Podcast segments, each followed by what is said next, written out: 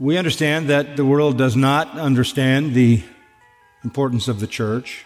The world doesn't understand that it's not just essential, it's the only hope of eternal life for doomed sinners.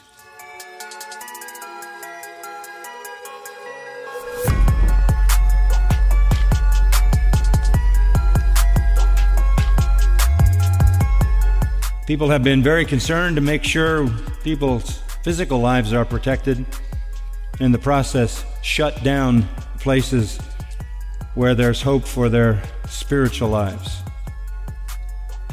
to be transformed, that they can live eternally in the presence of God.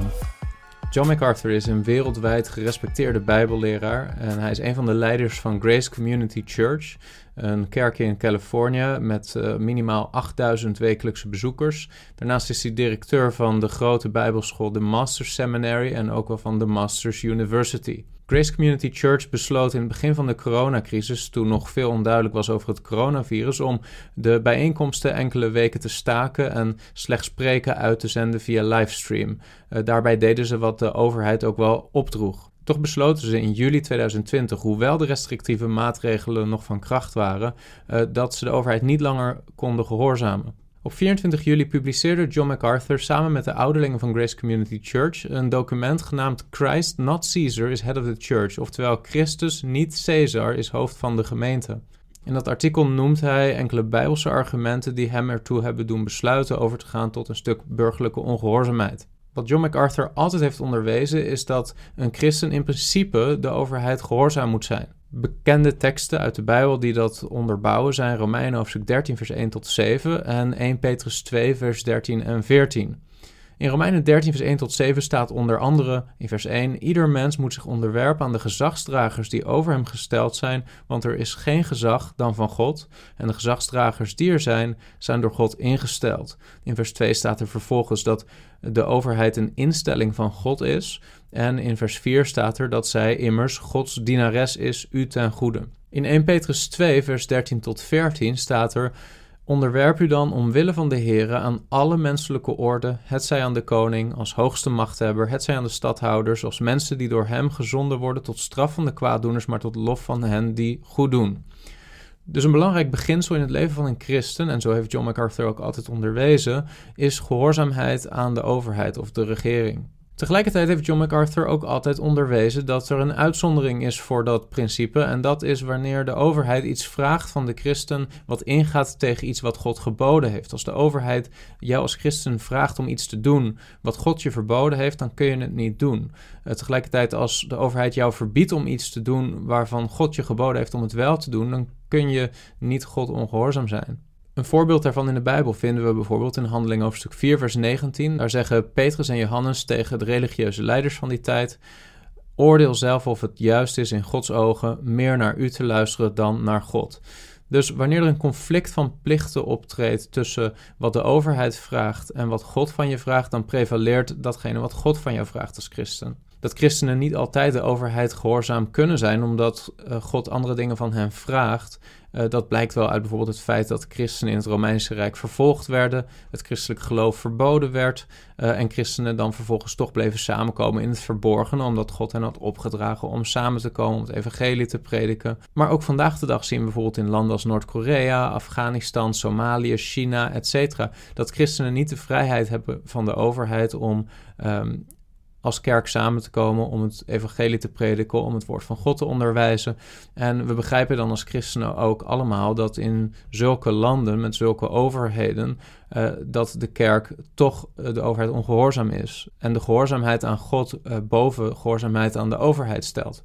Nu even terug naar John MacArthur. In het begin van de coronacrisis, toen nog heel veel onduidelijk was, toen uh, besloten hij en de ouderlingen van Grace Community Church in California uh, om slechts voor een lege zaal te prediken. Moet je voorstellen hoe groot die kerk normaal is met 8000 wekelijkse bezoekers. Uh, toch besloten ze om voor een lege kerkzaal te prediken en de preek te livestreamen.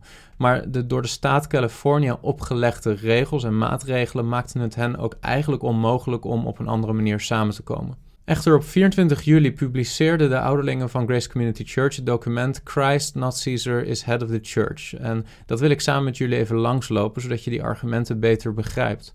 Uh, ze besloten eigenlijk dat de maatregelen van de staat genoeg schade hadden aangericht in de kerk en ze ervoeren het als ongehoorzaamheid aan de Heer om op deze wijze door te gaan. In hoofdlijnen zegt John MacArthur het volgende in dit artikel. Allereerst dat God drie instituties heeft verordineerd in de menselijke samenleving. Allereerst het gezin, ten tweede de staat en ten derde de kerk. Bijbels gezien heeft ieder van die drie instituties haar eigen gezagsgebied met grenzen die gerespecteerd moeten worden. Zo is het gezag van een vader beperkt tot zijn gezin. Eh, het gezag van kerkleiders, wat door Christus aan hen gedelegeerd is, eh, beperkt zich tot de kerk. En het gezag van de overheid is door God gegeven aan leiders, aan politici, aan uh, bestuurders om het land te besturen en burgerlijke orde en welzijn te bewaken binnen de grenzen van het land. God heeft de overheid echter geen gezag gegeven om over de leer of de praxis of het beleid van de kerk te gaan. Op gelijke wijze hebben kerkleiders niet het recht om zich te bemoeien met zaken van individuele gezinnen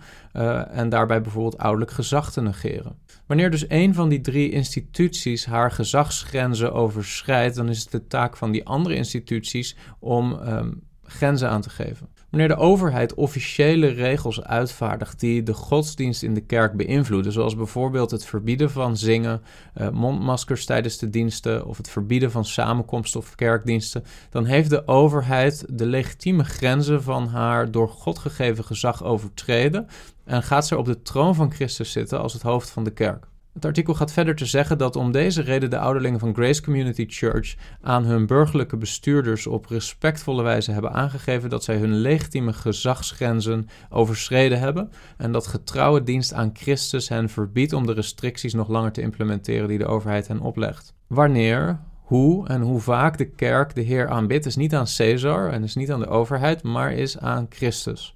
En ook Caesar zelf is onderworpen aan Christus. Er staat in Johannes 19, vers 11, wanneer de Heer Jezus spreekt tot Pilatus: U zou geen enkele macht tegen mij hebben als het u niet van boven gegeven was.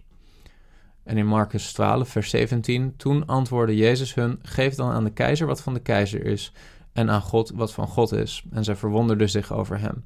John MacArthur gaat door te zeggen dat de ouderlingen de taak hebben gekregen om de gemeente te leiden.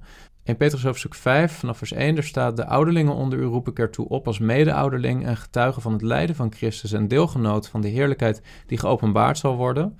Hoed de kudde van God die bij u is en houd daar toezicht op. Niet gedwongen, maar vrijwillig. Niet uit winstbejag, maar bereidwillig. Ook niet als mensen die heerschappij voeren over het erfdeel van de Here, maar als mensen die voorbeelden voor de kudde geworden zijn. En als de opperherder verschijnt, zult u de onverwelkbare krans van de heerlijkheid verkrijgen.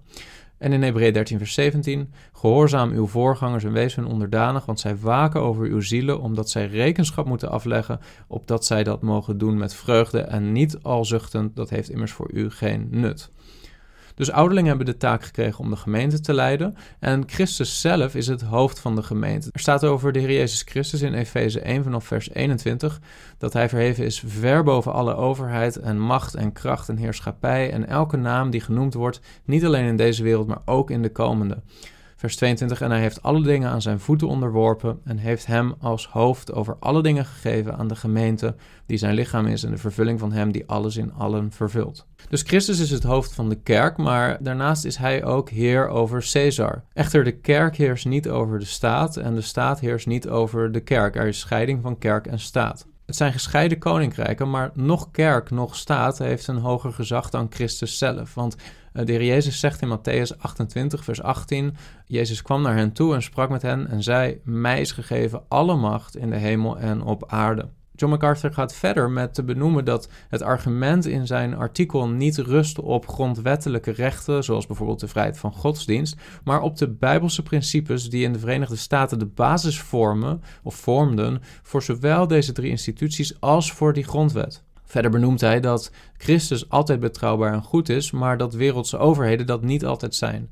Er staat in 1 Johannes hoofdstuk 5 vers 19: Wij weten dat wij uit God zijn en dat de hele wereld in de boze ligt. Dan komt het moment in het artikel dat John MacArthur eigenlijk komt tot de kern van wat hij ziet als het probleem, het conflict van plichten, wat is ontstaan door de persisterende overheidsmaatregelen. En dan noemt hij allereerst dat de kerk per definitie een gemeenschap is, oftewel een vergadering, een samenkomst, en dat het Griekse woord voor kerk, ecclesia, uh, ook wel betekent gemeenschap of vergadering van geroepenen. Een vergadering die niet vergadert is een interne contradictie en is eigenlijk geen vergadering. Hij verwijst vervolgens ook naar Hebreeën 10, vers 25, waar staat: Laten wij de onderlinge bijeenkomst niet nalaten zoals het bij sommigen de gewoonte is, maar elkaar aansporen en dat zoveel te meer als u de grote dag ziet naderen. Hij benoemt verder dat wanneer politieke leiders het aantal mensen wat in de kerk mag samenkomen beperken, dan proberen ze regels op te leggen die het in principe onmogelijk maken voor de kerk om te vergaderen als kerk. Uh, wanneer de overheid het zingen in kerkdiensten verbiedt, dan maakt zij het in principe onmogelijk om de geboden in Efeze 5 vers 19 en Colossense 3 vers 16 gehoorzaam te zijn. Wanneer regeringsleiders afstandsregels opleggen aan de kerk, dan maken ze het in principe onmogelijk om de hechte gemeenschap uh, onder gelovigen te ervaren, die ons wordt opgedragen in bijvoorbeeld Romeinen hoofdstuk 16 vers 6, 1 Korinthe hoofdstuk 16 vers 20, 2 Korinthe 13 vers 12 en 1 Thessalonicense 5 vers 21. Het punt van John MacArthur is niet dat we dus niet wijs moeten nadenken als kerkleiders in hoeverre we die geboden in balans kunnen brengen met uh, de realiteit dat er een gevaarlijk virus rondwaart. Een bijbelse geestelijke kerk, al dus John MacArthur, kan niet op passieve of automatische wijze instemmen met bevelen van de overheid om kerksamenkomsten te staken, uh, zelfs als de reden te maken heeft met zorgen om de publieke gezondheid. Verder benadrukt John MacArthur in het artikel dat de kerk het grootste deel van de kerkgeschiedenis te maken had met overheden die haar vijandig gezind waren. En dat de Heer Jezus ook gezegd heeft in Johannes 15, vers 20: Herinner u het woord dat ik u gezegd heb: Een dienaar is niet meer dan zijn Heer. Als ze mij vervolgd hebben, zullen zij ook u vervolgen. Als zij mijn woord in acht genomen hebben, zullen zij ook het uwe in acht nemen. In een bijlage aan dit artikel beschrijven John MacArthur en de ouderlingen van Grace Community Church ook uh, waarom ze van standpunt gewijzigd zijn. En daarbij benoemen ze dat 40% van het jaar ongeveer voorbij is gegaan, uh, terwijl hun kerk in essentie niet in staat was om samen te komen op een normale manier. Daarbij benoemen ze dat herders van de gemeente uh, ernstig beperkt waren in hun mogelijkheid om de kudde te hoeden, dat het de eenheid in de kerk bedreigd heeft, dat gelegenheden gemist zijn voor gelovigen om elkaar te dienen en dat uh, ja, veel gelovigen geleden hebben onder het gebrek aan gemeenschap en bemoediging van de samenkomsten. Daarbij benoemen ze dat er al tekenen zijn dat de Amerikaanse overheid ook in 2021 uh, veel uh, activiteiten en bijeenkomsten bereid is van de agenda te halen. En dat het er dus ook op lijkt dat veel van de restricties en de maatregelen in 2021 ook nog wel door zullen gaan. Dat het voor hen onacceptabel is om zo lang als gemeente zich te onderwerpen aan al die maatregelen. Sinds het verschijnen van dit artikel zijn de samenkomsten van Grace Community Church op zondag gewoon doorgegaan. En er zijn ook verschillende rechtszaken geweest tegen John MacArthur daarom. En vanwege zijn burgerlijke ongehoorzaamheid. Hij is bedreigd met arrestatie. Hij is bedreigd met een boete van 1000 dollar per dag. Uh, maar uh, hij heeft geweigerd om zich te onderwerpen aan de maatregelen en evenzo de gemeente daar.